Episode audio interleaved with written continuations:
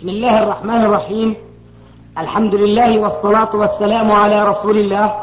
أما بعد فهذا أحد أشريطة سلسلة الهدى والنور من الدروس العلمية والفتاوى الشرعية لشيخنا محمد ناصر الدين الألباني حفظه الله. نسأل الله أن ينفع به الجميع. والآن مع الشريط الرابع والتسعين على واحد. ليس معنا إن شاء الله. أنا أقول لا أستطيع أن أعيد وإن استطعت فبعد أن أطلع هذا بالنسبة للكتابة ولكن إذا مثلا وقفت على المجلة ثم لم تستطع مساعدة هذه كتابة موضوعات هل تسمح لها مثلا بتنشر مثلا بعض المخطوطات؟ هو بارك الله فيك مشكلتي أنا يعني آه ما صعب انك تتصوروها. أنا تأتيني خطابات وأسئلة من مختلف البلاد الإسلامية فلا أستطيع أن أكتب ردا عليها. فأنا إذا أردت مثلا أن آخذ رسالة عندي فلا بد من أن أنسخها أو أن أصورها فهذا يأخذ من وقتي. ثم أنا لازم اضعها في البريد وأرسلها مضمونه مسجله هذا صعب علي جدا. ولذلك أنا أتحفظ في الجواب فأقول إن استطعت فبعد. أعذروني يعني ما تؤاخذوني. نعرف الظروف تماما بارك الله فيكم. طيب السؤال الأخير يعني لا أحفظه يعني لو وهذا يعني قد سئلت عنه كثيرا. نعم. موضوع يعني لو سجلت زيارة لإخوانك السلفيين في السودان حتى تكون. ما أستطيع ما أستطيع جزاك الله خيرا. وإياك. وأهلا وسهلا مرحبا.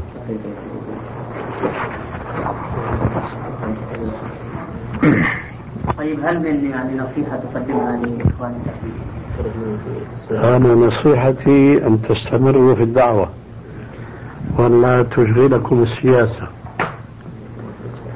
وذلك خير لكم وأبقى.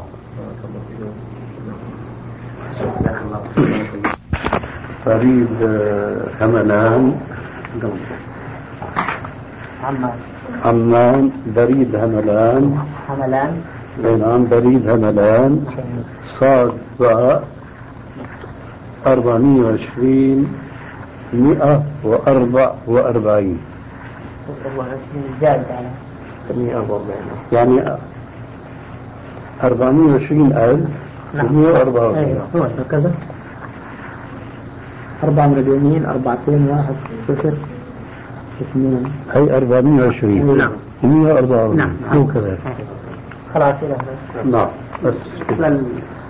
محمد ناصر. محمد ناصر نعم. في تلفون.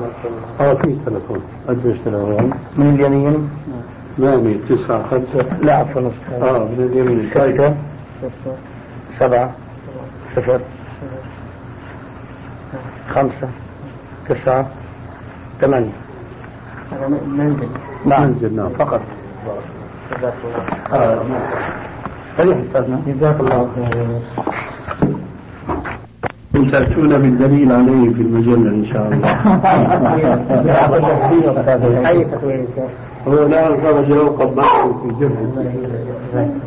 لم يرد إلى الإنصاف. فقط. سواء المعانقة بعد السلام عليكم. ال- يعني الموت في المدينة والدفن بالبقيع. هل يوجد حديث صحيح في ذلك؟ من استطاع أن يمس في المدينة فليفعل. نعم لكن ليس المقصود هو الموت فقط؟ المقصود السكن في المدينة الذي يتوكل ورائه يموت فيها.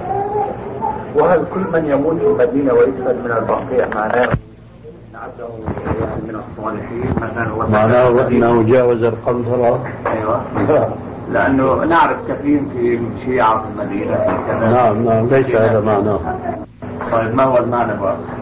المعنى هو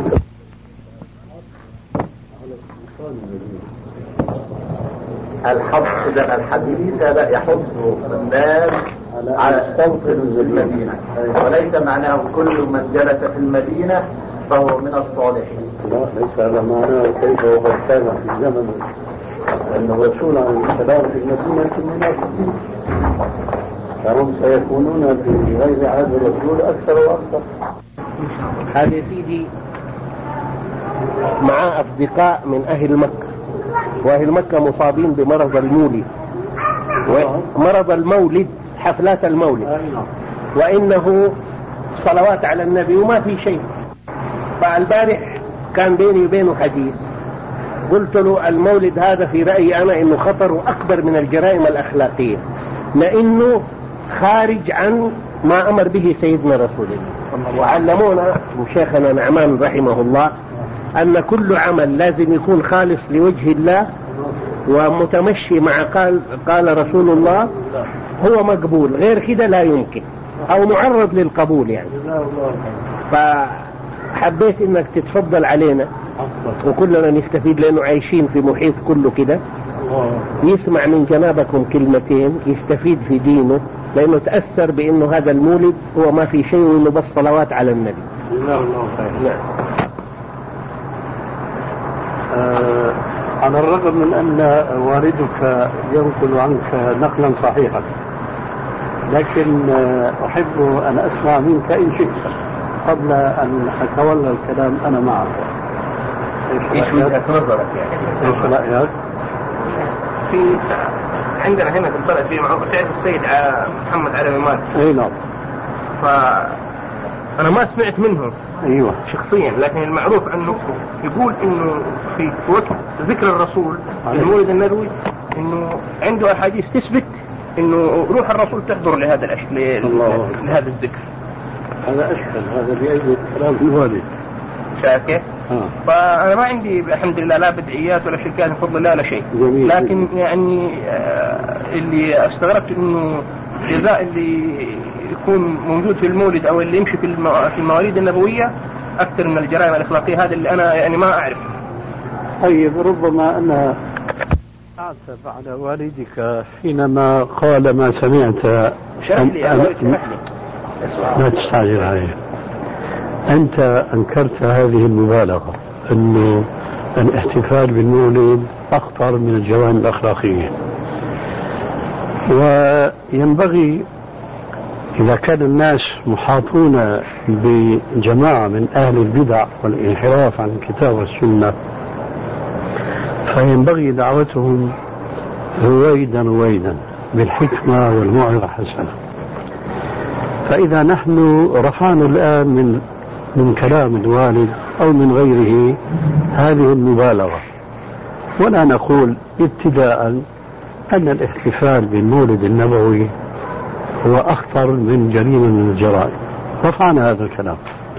لكن هل أنت مقتنع أن الاحتفال بالمولد النبوي لا يجوز في دين الإسلام؟ إن كنت مقتنعا فسامح والدك بتلك المبالغة. وإن كنت غير مقتنع فلا تأخذ المبالغة خذ ما دونها وأنت غير مقتنع بها على الفرض يعني. فهل أنت مقتنع بأن هذا الاحتفال الذي عليه الناس اليوم هو يعني غير جائز شرعا؟ ولا أقول أنا جريمة ولا أقول إنها أجرم من كبار الجرائم. لكن هل أنت مقتنع أن هذا ليس من شرع الله وأنه من المحدثات الأمور أم غير مقتنع؟ في صنفين من الناس يا تفضل. يعني اللي اللي اللي محمد أو اللي أسمع منه شايف كيف؟ يعني أشوف يمكن يمكن شيء مقبول. لكن في بعض الناس تأولوا الأشياء مثلا لعزايم ودبايف وهذه الأشياء. عفواً، أنا مضطر أن أقطع كلامك. تفضل لأنك حكيت عن الجواب عن سؤالي أنا سألتك هل أنت مقتنع أم لا؟ فأخذت تتكلم عن الشيخ محمد، الشيخ محمد ليس بين يديها ولو كان بين يدي لتكلمت معه بأسلوب آخر. أنت مقتنع بأن هذا الاحتفال بالمولد النبوي الشريف هو ليس من الشرع في شيء؟ الجواب نعم لا. أحد شيئين في نوعين منهم في ناس مقتنع بهم في ناس ما مقتنع بهم. لأنه هو يعني زي لا أنا أنا ما بتكلم عن الناس بقول الاحتفال من حيث هو. الاحتفال الاحتفال بالمولد النبوي الشريف. والله يا شيخ إني مقتنع. آه هذا هو الجواب. الآن أقول آه الاحتفال بالمولد النبوي الشريف هو خير أم شر؟ خير. خير. طيب. هذا الخير يجهله رسول الله صلى الله عليه وسلم وأصحابه. لا لا آه أنا لا أقنع منك الآن أن تقول لا بل يجب أن تبالغ وأن تقول هذا مستحيل. مستحيل أن يخفى هذا الخير إن كان خيرا أو غيره على رسول الله صلى الله عليه وسلم وأصحابه. ونحن لم نعرف الإيمان والإسلام إلا من طريق محمد عليه الصلاة والسلام. فكيف نعرف خيرا هو لم يعرفه؟ هذا مستحيل. صحيح؟ دقيقة خذ دقيقتين بدل دقيقة واحدة. أعين له أستاذ لا ما نحاسبه. تفضل. بس بعده هذا إحياء لذكرى وتكريم له. معليش هذه فلسفة نحن نعرفها. نسمعها من كثير من الناس وقرأناها في كتبهم. لكن الرسول صلى الله عليه وسلم حينما دعا الناس هل دعاهم إلى الإسلام كله ولا دعاهم إلى التوحيد؟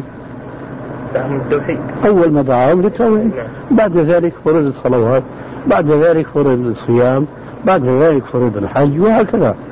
ولذلك أنت امشي على هذه السنة الشرعية خطوة خطوة. نحن الآن اتفقنا أنه من المستحيل أن يكون هناك خير عندنا ولا يعرفه رسول الله صلى الله عليه وسلم. أليس كذلك؟ ولذلك ينبغي أن تصبر علي فقد بلاك الله به الآن. فلازم نعم البلوى لا لازم يكون إيش؟ نفسك طويل معي يعني. جزاك الله خير. قلت أنا آنفا كلمة لا يختلف فيها اثنان ولا ينتطع فيها كبشان. هي أن الخير كله عرفناه من طريق رسول الله صلى الله عليه وسلم. عندك شك أو ريب في هذا الكلام؟ أنا أعتقد أن من شك في هذا فليس مسلما.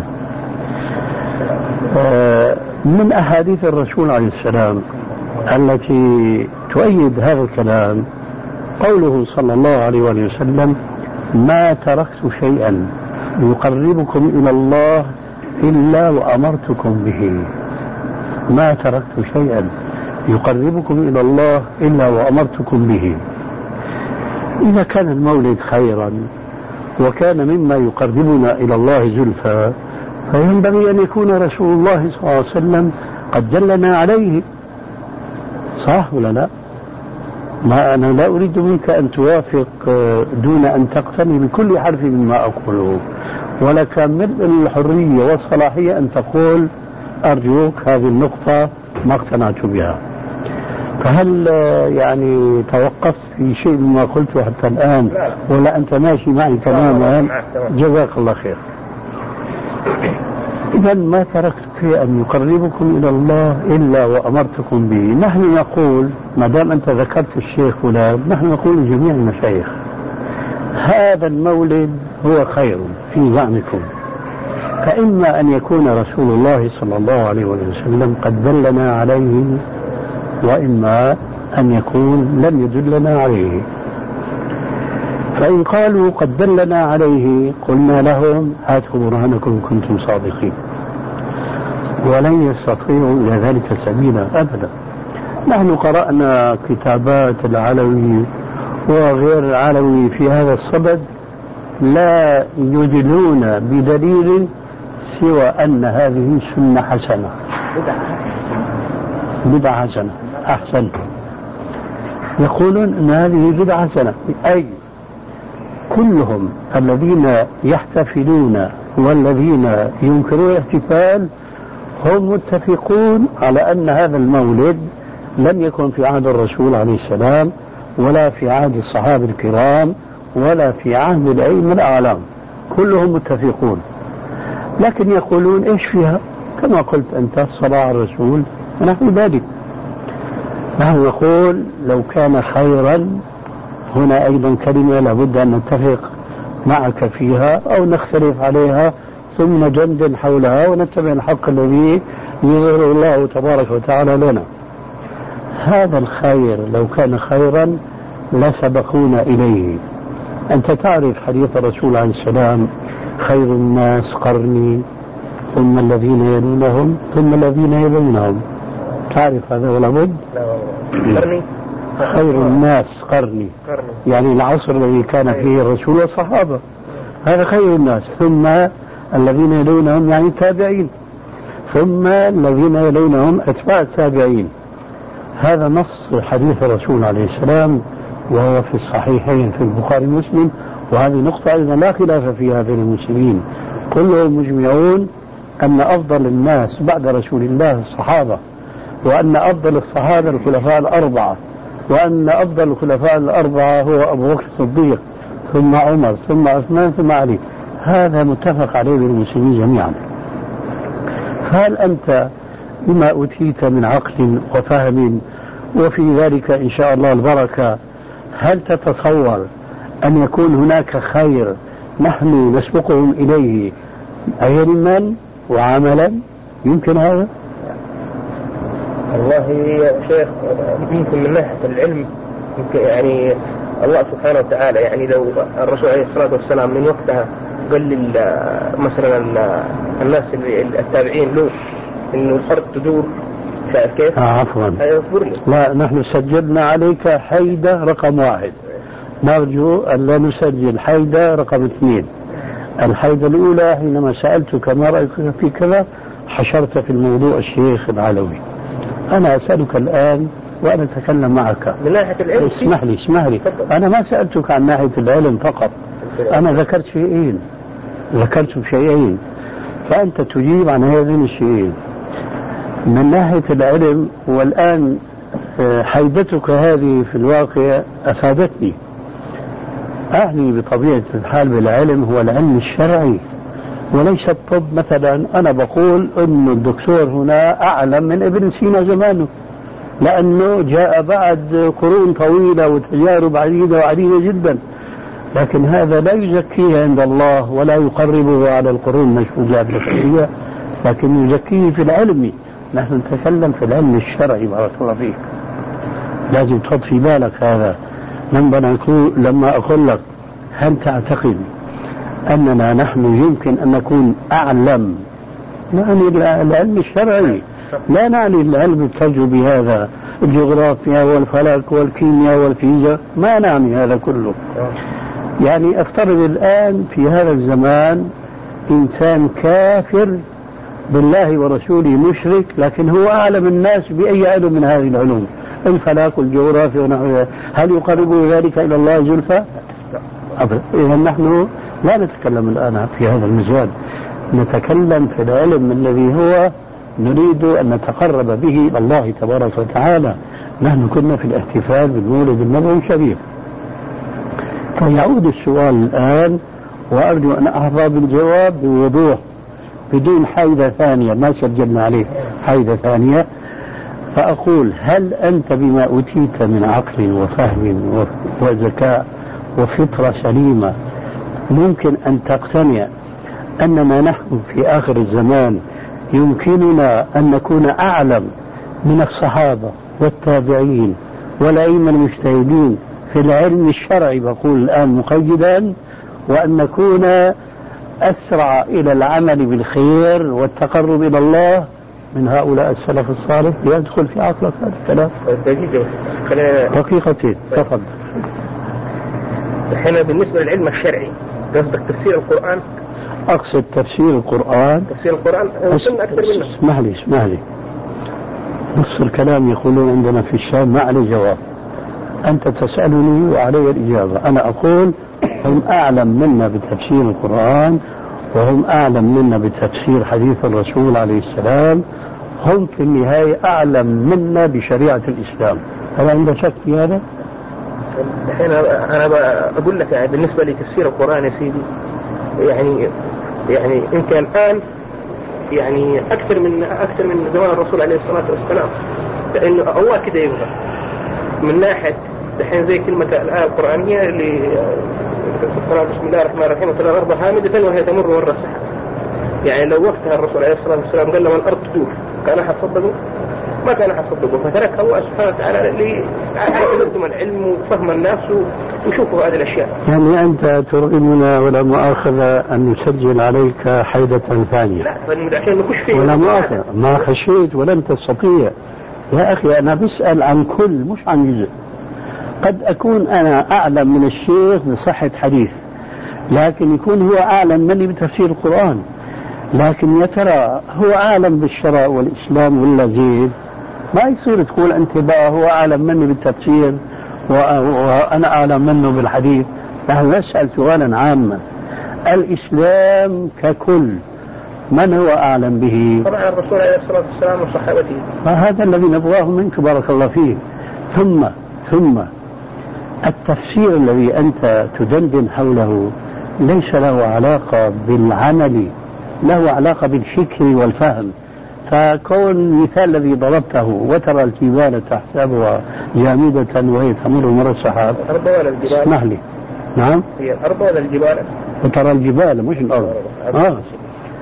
وإن شئت نحن تكلمنا معك في هذه الآية وأثبتنا لك أن الذين يقولون هذا يدل على أن الأرض تدور هذا خطأ لأن هذه الآية تتعلق بيوم القيامة يوم تبدل الأرض غير الأرض والسماوات وبرزوا لله واحد القهار لسنا على كل حال في هذا الصدد؟ وأنا أسلم معك جدلا أنه قد يكون رجل من المتأخرين يعلم حقيقة علمية كونية أكثر من صحابي أو تابع إلى آخره. لكن هذا بارك الله فيك ليس له علاقة بالعلم بالعمل الصالح الذي يقرب إلى الله زلفى. اليوم هذه العلوم هذه العلوم الفلكية الجغرافية. أنا أقول لك بصراحة الكفار أعلم منا فيها صحيح؟ لكن ما الذي يستفيدون من ذلك؟ لا شيء. نحن لا نريد الآن أن نخوض في هذا اللا شيء. نريد أن نتكلم في كل شيء يقربنا إلى الله زلفى. فنحن لا نريد أن نتكلم في المولد النبوي الشريف. هذا خير. واتفقنا أن هذا الخير لو كان خيرا لكان سلفنا الصالح وعلى رأس محمد صلى الله عليه وسلم هم أعلم به منا وأسرع إلى العمل به لو كان خيرا. هذا كلام في شك. فلا تحد عن هذا الموضوع. تأتينا بأمور فلكية وعلمية ليس لها علاقة بالإنسان من حيث أنه يريد أن يتقرب إلى الله بعمل صالح. فالآن أنا قلت لك كلمة أرجو أن لا تنساها. متفق عليه بين الفريقين المختلفين. الذين ينكرون المولد والذين يقرونه. أن هذا المولد ما كان في زمن الرسول.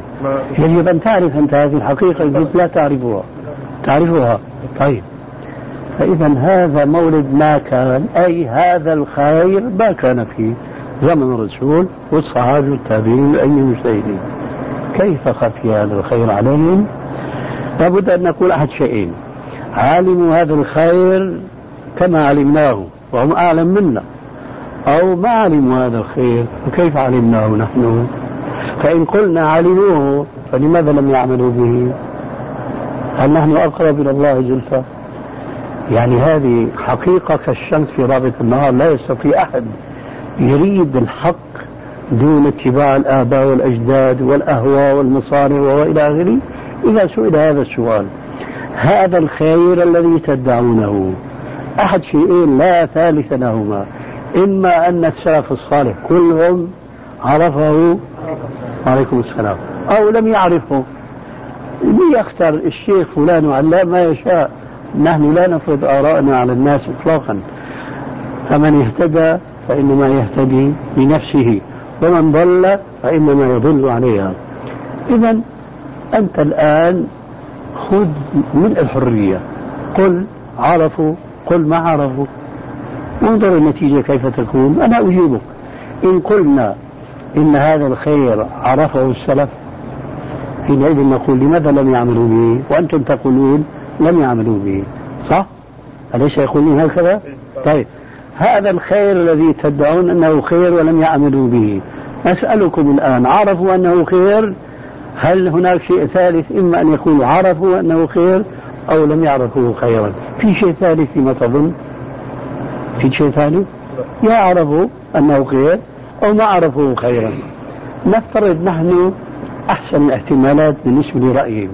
ما هو أحسن احتمالات عرفوا. أليس كذلك؟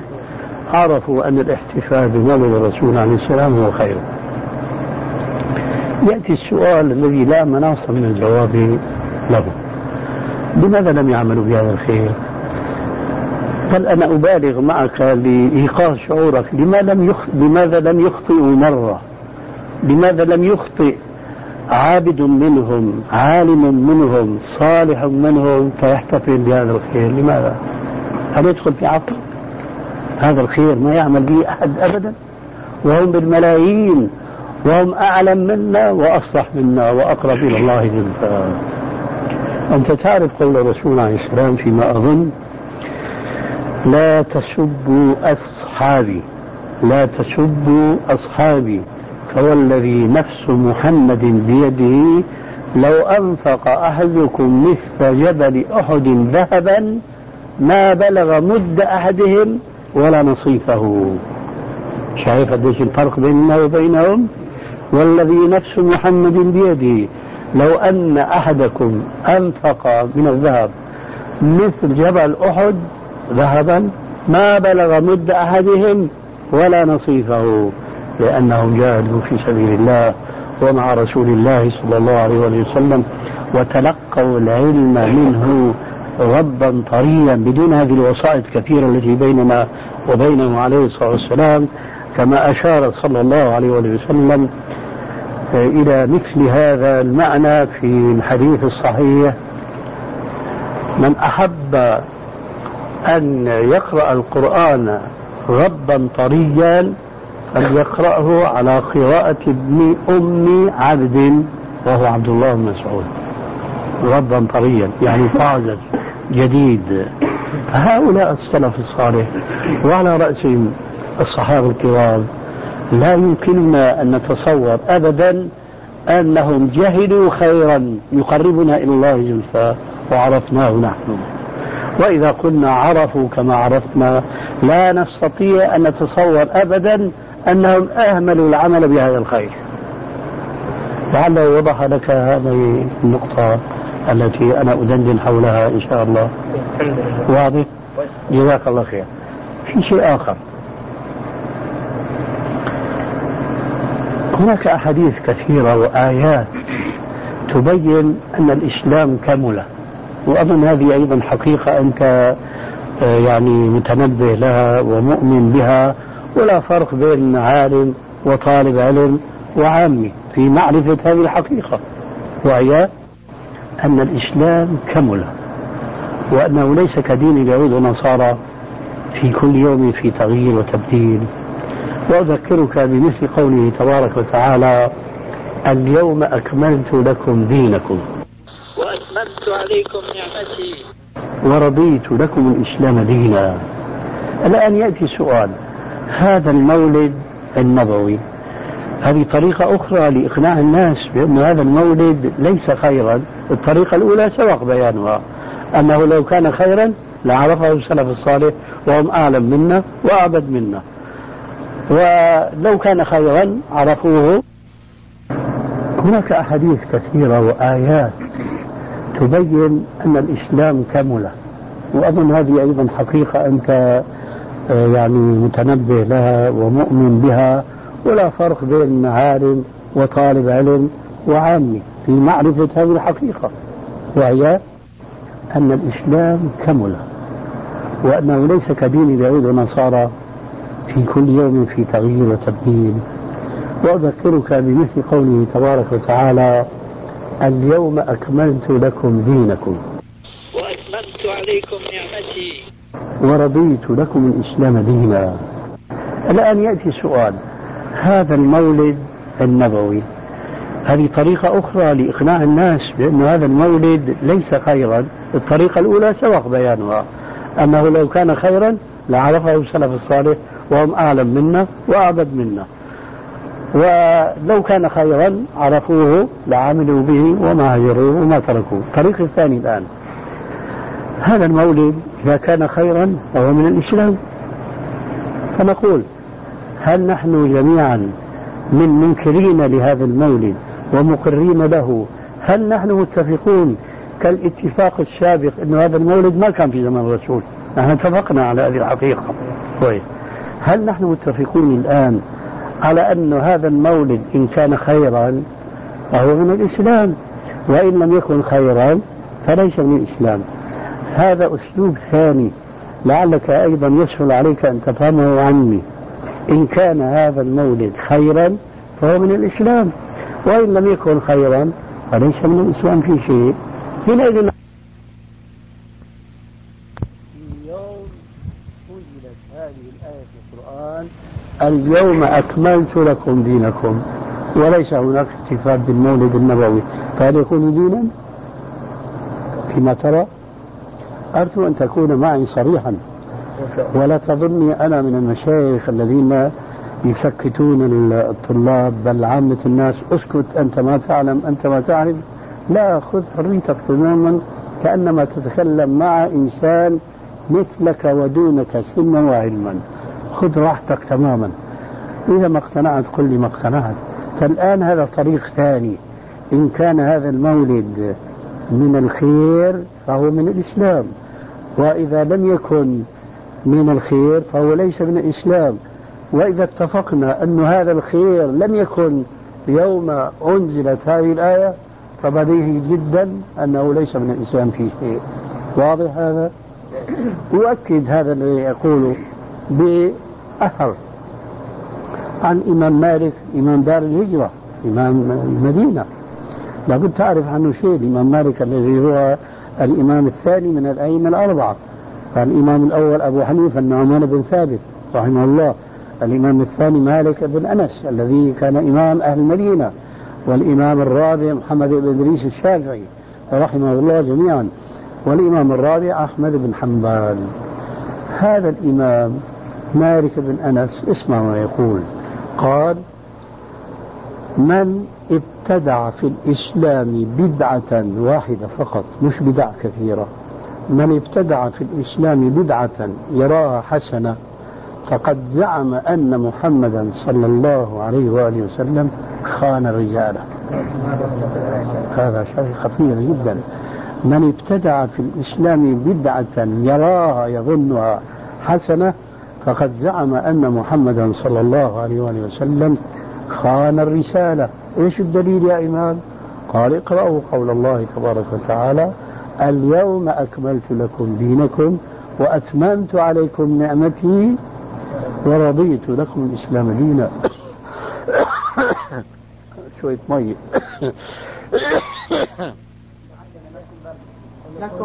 يقول الملك يسوي حفلة للمولد وإحنا حد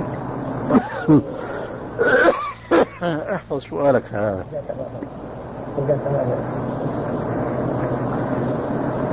من ابتدع في الإسلام بدعة يراها حسنة وقد زعم أن محمدا صلى الله عليه وسلم خان الرسالة اقرأوا قول الله تبارك وتعالى اليوم أكملت لكم دينكم وأتممت عليكم نعمتي ورضيت لكم الإسلام دينا. تمام كلامه الذي يكتب بماء الذهب. قال فما لم يكن يومئذ دينا لا يكون اليوم دينا. فما لم يكن يومئذ دينا لا يكون اليوم دينا. متى هو يقول هذا الكلام؟ في القرن الثاني من الهجرة. في القرن اللي هو من القرون الثلاثة المشهود لها بالخيرية فما بالك في القرن الرابع عشر؟ الخامس عشر. فما لم يكن يومئذ دينا لا يكون اليوم دينا. هذا كلام يكتب بماء الذهب. بس نحن غافلون مع الأسف. غافلون عن كتاب الله وعن حديث رسول الله صلى الله عليه وسلم وعن أقوال الأئمة الذين نزعم نحن أننا نقتدي بهم. وهيهات وهيهات بيننا وبينهم في القدوة بعد المشرقين. هذا إمام دار الهجرة يقول بلسان عربي مبين فما لم يكن يومئذ دينا لا يكون اليوم دينا. اليوم الاحتفال بالمولد النبوي الشريف دين. لولا ذلك ما قامت هذه الخصومة بين علماء يتمسكون بالسنة وعلماء يدافعون عن البدعة. لو لم يكن هذا من الدين ما صارت هذه الخصومة أبدا. كيف يكون هذا من الدين؟ ولم يكن في عهد الرسول ولا في عهد الصحابة ولا في عهد التابعين ولا في عهد أتباع التابعين. الإمام مالك هو من أتباع التابعين وهو من الذين يشملهم خير القرون قرني ثم الذين يلونهم لا ثم الذين يلونهم. الذين يلون الصحابة هم التابعون والذين يلون التابعين هم أتباع التابعين. ومنهم الإمام مالك يقول ما لم يكن يوم نزلت هذه الآية اليوم أكملت لكم دينكم. ما لم يكن يومئذ دينا فلا يكون اليوم دينا. ومن نهاية كلامه ولا يصلح آخر هذه الأمة إلا بما صلوا به أولها. ولا يصلح آخر هذه الأمة إلا بما صلح به أولها. لماذا صلح أولها؟ بالإحداث في الدين والتقرب إلى الله بأشياء ما تقرب بها رسول الله صلى الله عليه وسلم وهو القائل لا تنسى ما تركت شيئا يقربكم إلى الله إلا وأمرتكم به. لماذا لم يأمرنا رسول الله بأن نحتفل بمولده؟ هنا سؤال وهناك جواب سيعجبك إن شاء الله وسترى خلاف ما تسمع. هناك احتفال بالمولد النبوي مشروع. ضد هذا الاحتفال الذي هو ليس بالمشروع لأنه هذا الاحتفال لم يكن في عهد الرسول لكن هناك احتفال كان موجودا في عهد الرسول. مع فرق شاسع بول بول شاسع بين الاحتفالين. أول ذلك أن الاحتفال مشروع عبادة متفق عليها بين المسلمين جميعا. وثاني شيء أن هذا الاحتفال يتكرر في كل أسبوع مرة واحتفالهم في السنة مرة. هذه فارقتان بين الاحتفال المشروع حيث هو عبادة بالاتفاق ستعلمون ما هي هذه العبادة قريبا.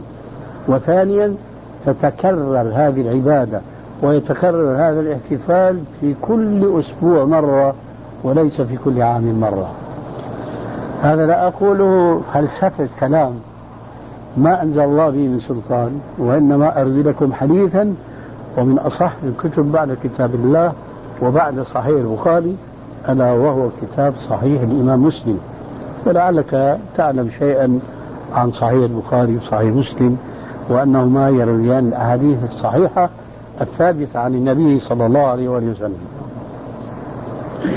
يروي الإمام مسلم في صحيحه هذا بإسناده عن رجل من كبار الصحابة وهو أبو قتادة الأنصاري. قال هذا الرجل الصحابي الجليل جاء رجل وهو يسمع إلى النبي صلى الله عليه وسلم فقال يا رسول الله ما تقول في صوم يوم الاثنين؟ قال انظر الجواب. ما قال له مستحب مشروع كلام هيك موجز مختصر لكنه أجابه بجواب تضمن الجواب الذي هو يسأل عنه وزيادة. الجواب والعلة أو الحكمة. فقال جواب على سؤال ما تقول في صوم يوم الاثنين؟ قال ذاك يوم ولدت فيه وأنزل القرآن علي فيه. إيش معنى هذا الكلام؟ كأنه يقول كيف تسألني عن صوم هذا اليوم؟ والله قد خلقني فيه وأنزل الوحي علي فيه.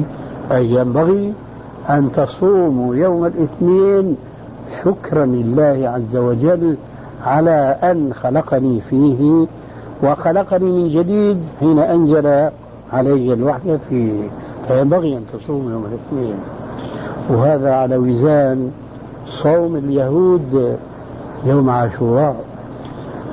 ولعلكم تعلمون جميعا أن صوم عاشوراء قبل نزول فرض شهر رمضان كان هو المفروض على المسلمين. فرض الله على المسلمين صوم يوم عاشوراء قبل أن ينزل فرض صوم رمضان. وجاء في بعض الأحاديث أن النبي صلى الله عليه وسلم لما هاجر من مكة إلى المدينة رأى اليهود هناك سكان المدينة يصومون يوم العاشوراء. فسألهم عن ذلك قال اليهود هذا يوم نجى الله فيه موسى وقومه من فرعون وجنده. فصمناه شكرا لله أن أنقذ الله موسى وقومه من فرعون وجنده.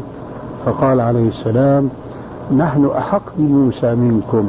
فصامه وأمر بصيامه فصار فرضا إلى أن نزل شهر رمضان الذي أنزل فيه القرآن. ثم فمن شهد منكم الصلاة فلا صوم. تقول السيدة عائشة فلما نزل فرض رمضان كان من شاء أن يصوم يوم عاشوراء صام ومن شاء ترك لأنه نسخ فرضية صوم يوم عاشوراء بفرضية صوم شهر رمضان وبقي الاستحباب.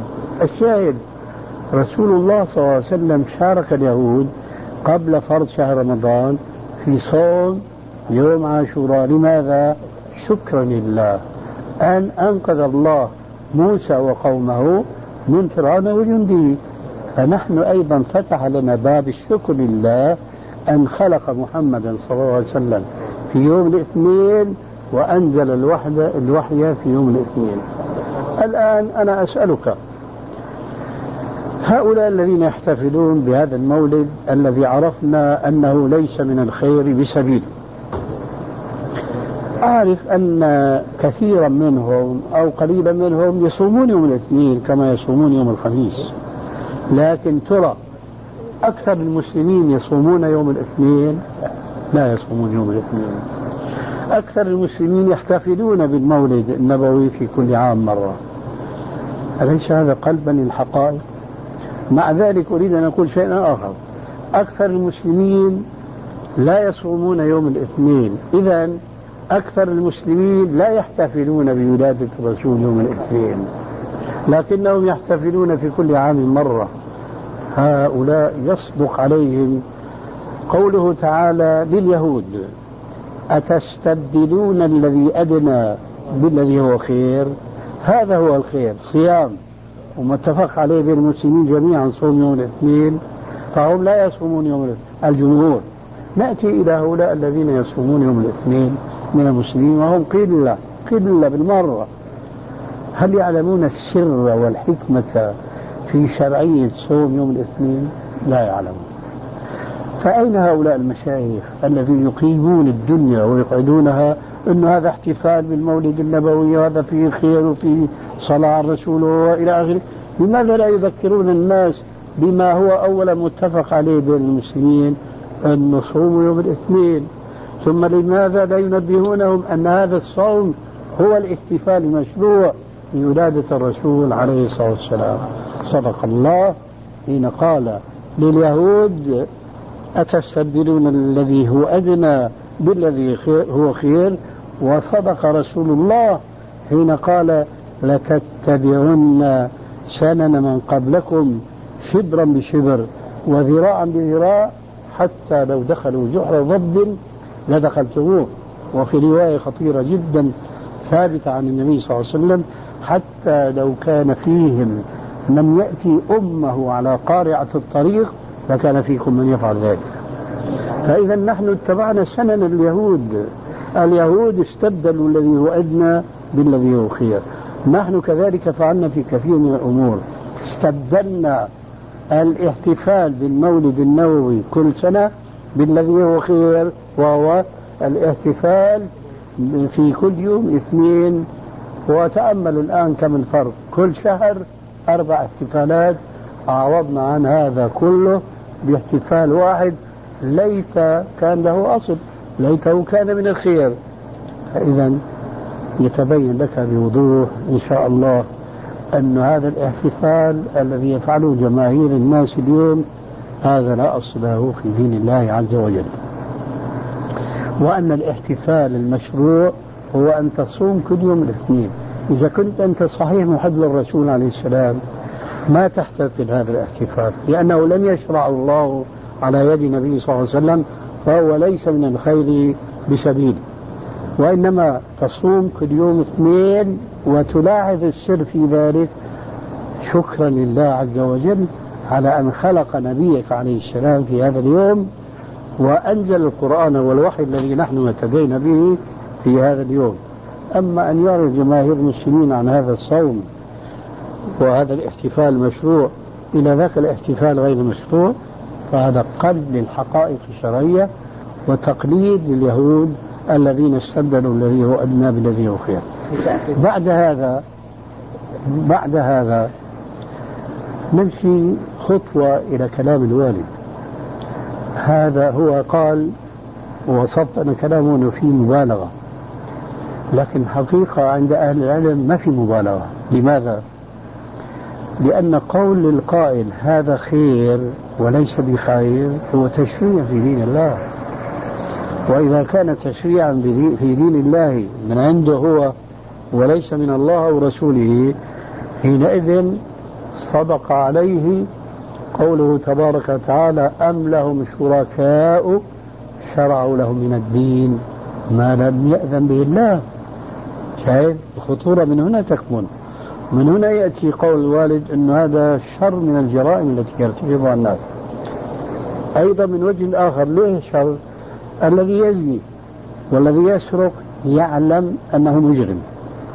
ويوما ما يرجى أن يتوب إلى الله ويقول رب اغفر لي خطيئتي يوم الدين. أما الذي يبتدع في دين الله فهو يشرع في دين الله ما لم ينزل الله به سلطانا من جهة ومن جهة أخرى لا يخطر في باله أبدا أنه يتوب من هذا.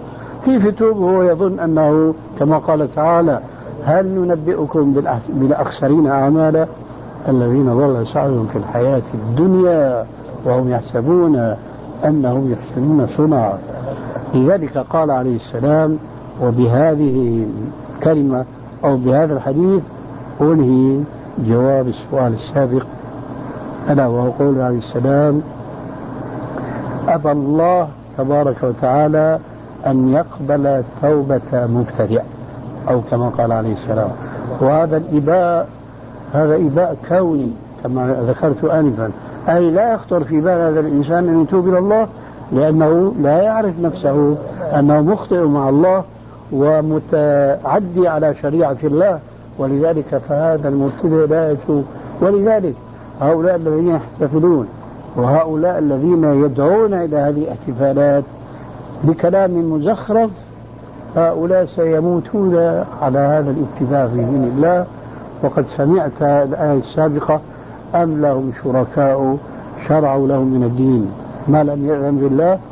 ثم هناك الآية الأخرى التي لها صلة وثقى بهذه الآية وهو قوله تبارك وتعالى في حق النصارى اتخذوا أحبارهم ورهبانهم أربابا من دون الله. لما نزلت هذه الآية قال عدي بن حاتم وقد كان نصرانيا ثم هداه الله فأسلم. أي هو يعرف النصرانية ويعرف النصارى. فأشكلت عليه هذه الآية لأنها تقول عن النصارى وهو منهم كان اتخذوا أحبارهم ورهبانهم من دون الله. قال كيف هذا يا رسول الله؟ قال ألستم كنتم إذا حرموا لكم حراما؟ حرمتموه وإذا حللوا لكم حلالا حللتموه؟ قال أما هذا فقد كان. قال عليه السلام فذاك اتخاذكم إياهم أربعة من دون الله. فأي شيخ يقول هذا حرام بدون دليل من كتاب الله أو حديث رسول الله أو بقول لك هذا خير بدون دليل من كتاب الله أو من حديث رسول الله فقد جعل نفسه مشرعا مع الله وجعل الناس الذين اتبعوه في هذا القول بدون برهان من الله اتخذوه ربا من دون الله تبارك وتعالى. وهذا يبين خطورة الابتداع في الدين وأن هذا الابتداع هو شر من الأجرام التي يعرفها المسلمون أنها أجرام. هذا هو الذي أظن يقصده الوالد الكريم. عندي وحدة نقطة أنت فتحت أحد تفضل. وهو أن قول الإمام مالك عليه رضوان الله آه. أن فقد زعم أن رسول الله خان الرسالة. فأنا أعتقد وأظن المسلمين يعتقدوا أن الذي يظن في أو كافر. أي نعم. هذا الرسول بلغ ما أنزل إليك من ربك. وإن لم تفعل فما بلغت رسالته. الله يعصمك من الناس. قد جاء في صحيح البخاري وصحيح مسلم أن رجلا من كبار التابعين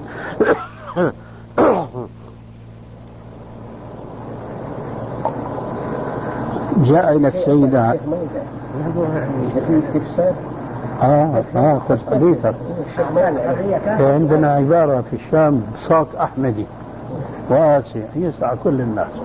خذ حديثك تمام. أسأل عند سي- قراية سيرة الرسول عليه الصلاة والسلام. أيوة. هذا مو تكريم له؟ إيه، هل أحد ينهاك أن تقرأ سيرته؟ لا يعني هذا مو تكريم له؟ نعم في ثواب خير من الله ولا لا؟ كله خير ما تستفيد شيئا من هذا السؤال. ولذلك قطع- قطعت عليك الطريق وقلت لك هل أحد يمنعك من أن تقرأ سيرته؟ لكن أنا أسألك الآن سؤالا. هو هذا. ألا تعجلن يا أستاذ؟ أنا أسألك الآن سؤالا. هل يجوز في دين الله أن نأتي إلى عبادة؟ فيها دقة شوية ما تأخذني لكن أنا أتوسع معك بمثل ما أنت تتوسع معي إن شاء الله. إذا كان هناك عبادة مشروعة وخير لكن الرسول ما وضع لها وقتا وزمنا معينا. ولا جعل لها كيفية معينة. ترك الأمر للناس. فهل يجوز في دين الله أن نأخذ هذه العبادة ونضعها في مكان معين؟ رسول الله ما وضع ذلك. أو نبردقها ونكيفها بكيفية معينة.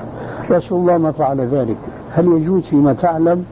قل لي أعلم لا أعلم ما في حياة في الدين. أنا أقول في كثير من المسائل لا أعلم. ولا أنزعج من كلمة لا أعلم لأني حين أقول لا أعلم. أذكر قول رب العالمين وما أوتيت من العلم إلا قليلا. فهمت سؤالي؟ عندك جواب؟ ولا أشرح لك بزيادة. آه والله شيخ ما عندي جواب. طيب. الصلاة على الرسول عليه السلام. فيها إشكال أنها من آه، العبادات وأن من صلى عليه مرة واحدة صلى الله عليه بعشرة. في إشكال؟ هذا أمر مشروع. طيب. لو أن مسلما بعد أن قرأ الفاتحة وقرأ السورة وما بينه وبين ذلك إلى أن يركع قال اللهم صل على محمد وعلى آل محمد. أخطأ في هذه الصلاة أم أصاب؟ ما أخطأ. أما على على حسب كلام الله. سبحانه وتعالى. هذا هو المشكلة. أنت يجب أن تقول أخطأ. يجب أن أقول أخطأ؟ أيوة لأنه أنا ما سألتك إذا واحد صلى على النبي أخطأ. أنا سألتك إذا صلى على النبي في مكان كذا. في فرق بين أمرين. أنا بقول لك رجل قرأ في الصلاة الفاتحة وسورة ولم يبقى أمامه إلا الركوع. قبل أن يركع وبعد ما قرأ الفاتحة وسورة قال اللهم صل على محمد وعلى آل محمد. إيش رأيك هذا؟ أصاب من أخطاء. لا دعه يتكلم براحته. يعني بصوت أحمدي. ها خذ راحتك. يعني إن الإنسان يعني بالمنطق يا شيخ يعني آه بالمنطق نعم. لا يعني جائز ماني شايف أنا أنا الآن بكلمك بالمنطق. يعني كذا يعني على فطرة الإنسان أنا أشوف أنه جائز ما فيها شيء. كويس. فإذا واحد ركع. وقال سبحان ربي العظيم ثلاث مرات أو أكثر من ذلك ما شاء. وقال بعد ذلك قل هو الله أحد الله الصمد لم يلد ولم يولد ولم يكن له كفوا أحد. أخطأ ما أصاب؟ ما أخطأ. ما أخطأ. الآن اسأل الشيخ اللي أنت تورطت به ولم تلقه وإنما سمعت عنه أن هذا المولد هو خير ويحتفل به. سيقول لك هذا خطأ. ما ما. اسأل أي شيخ شئت من أهل العلم. ما حكم من يصلي على الرسول قبل الركوع؟ ما حكم من يقرأ قل هو الله أحد في الركوع؟ سيقول لك أخطأ. وهو عنده عقل وأنت عندك عقل هو عنده منطق وأنت عندك منطق وأنا عندي منطق مثل ما عندك منطق. لكن الآن نقف شوي عن كلمة المنطق. ترى البشر يعدوا بالملايين إن لم نقل بلايين. ترى في عقل واحد يوافق عقل آخر. ولا تختلف العقول. اشياء هي أشياء. طيب. من الذي يكون حكما في هذا الاختلاف الذي يقع بين الناس في بعض الأشياء؟ أليس هو الشرع؟ طيب. الآن نأتي إلى قول عليه السلام صلوا كما رأيتموني مصلي لابد سمعت بهذا الحديث يوما ما؟ طيب. إذا علمت أن الرسول صلى 23 سنة وفي كل يوم خمس صلوات الفرائض وما شاء الله من النوافل كثيرة خاصة في قيام الليل وهو ولا مرة واحدة صلى على النبي أي على نفسه قبل الركوع هل تظل على جوابك السابق أن تصححه وتقول لا هذا ما يجوز هكذا؟ آه. وكذلك تتراجع عن قولك بأنه إذا قرأ قل هو الله أحد وهو راكع أنه أخطأ لأن الرسول ما قرأ القرآن في الركوع وإنما سبح الله عز وجل ألست إذا علمت هذا العلم تتراجع أيضا عن قولك السابق؟ طيب. إذا العلم هو النور وهو السبيل لمعرفة ما يجوز وما لا يجوز. تتمة الكلام في الشريط التالي. وقس على ذلك مئات الألوف من الأمثلة. لا يكفي بارك الله فيك أن تحكم عقلك أو عقل والدك أو عقلي أو عقل البنا أو عقل البشر كلهم في دين الله. الدين وحي من السماء. تلقيناه من طريق رسول الله صلى الله عليه وسلم. لا نزيد فيه حرفا ولا ننقص لما سمعت من الآية السابقة. اليوم أكملت لكم دينكم. وأنا ضربت لك مثلا بالصلاة. لأن هذا أوضح لكن المسلم في كل حياته إن كان في الصلاة إن كان في الدار إن كان في الدكان إن كان في المصنع وإلى آخره فهو يعيش في دائرة الإسلام. فلا يجوز أن يخرج عن ذلك قيد أنملة قيد شعرة لأن الإسلام شمل كل الدنيا بأحكامه سواء كنت في الصلاة أو خارج الصلاة.